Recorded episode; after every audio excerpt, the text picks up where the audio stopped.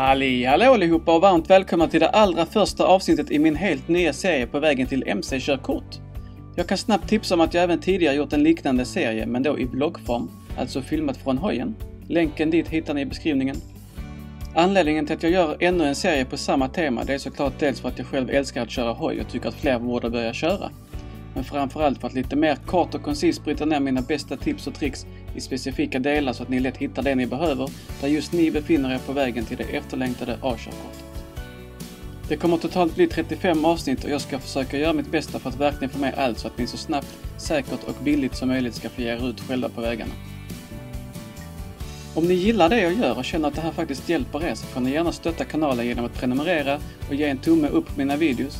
Har ni dessutom möjlighet att skänka en slant eller två så tar jag tacksamt emot donationer via patreon.com snedstreck motornordico.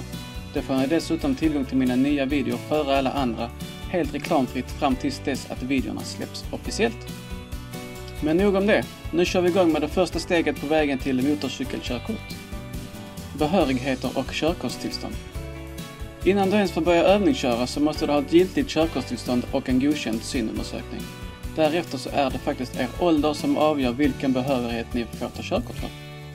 Som 16-åring så får du köra upp för A1, lätt motorcykel. Har du fyllt 18 så får du köra upp för A2, mellanstor motorcykel.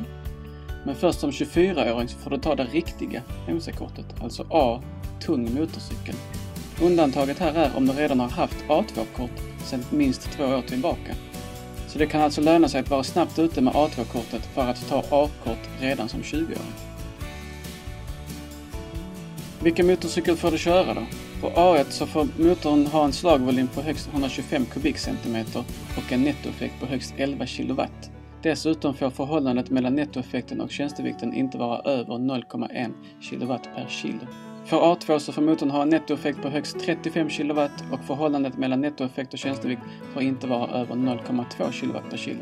Och med A-behörighet får du köra alla två och trehjuliga motorcyklar. Hur gör man när man vill ta kortet så fort man har fyllt år för sin behörighet? Enkelt.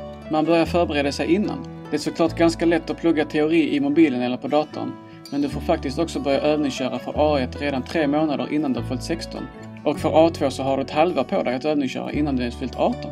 Dessutom så får du faktiskt övningsköra på tung MC när du har fyllt 17 och ett halvt. Men då endast på en trafikskola och trafikläraren måste följa med dig på hojen eller i en sidovagn. Har du ingen behörighet sedan tidigare och vill övningsköra även privat eller på skola men själv på hojen, då måste du ha fyllt 23 år. Undantaget här är om du har varit snabbt ute och redan haft ditt A2-kort i ett och ett halvt år. Då får du börja övningsköra när du har fyllt 19 och ett halvt. Mitt enda råd här det är att börja så tidigt som möjligt och ta körkort för den behörighet som du inom väldigt kort eller redan har behörighet för.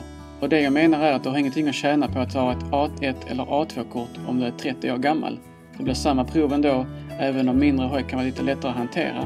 Men med A-behörigheten i handen så står du ändå fritt att köpa en mindre hoj om du önskar. Med fördelen att du inte behöver uppgradera kortet om du en dag vill köra en tyngre hoj. Titta läxa! Vi ska ansöka om körkortstillstånd för grupp 1 det är alltså där A1, A2 och A-behörighet ingår. Detta gör vi genom att besöka Transportstyrelsens hemsida. Länken hittar ni i beskrivningen, så klicka upp den här bredvid så går vi igenom det här tillsammans. Vi börjar genom att fylla i våra person och kontaktuppgifter. Därefter fyller vi i vår hälsodeklaration, Kontrollera att allting stämmer och skicka in ansökan. Synundersökning.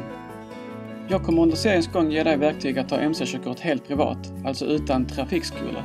Men om du redan nu vet att du ändå kommer använda dig av en trafikskola så kan du kolla om de erbjuder synundersökning.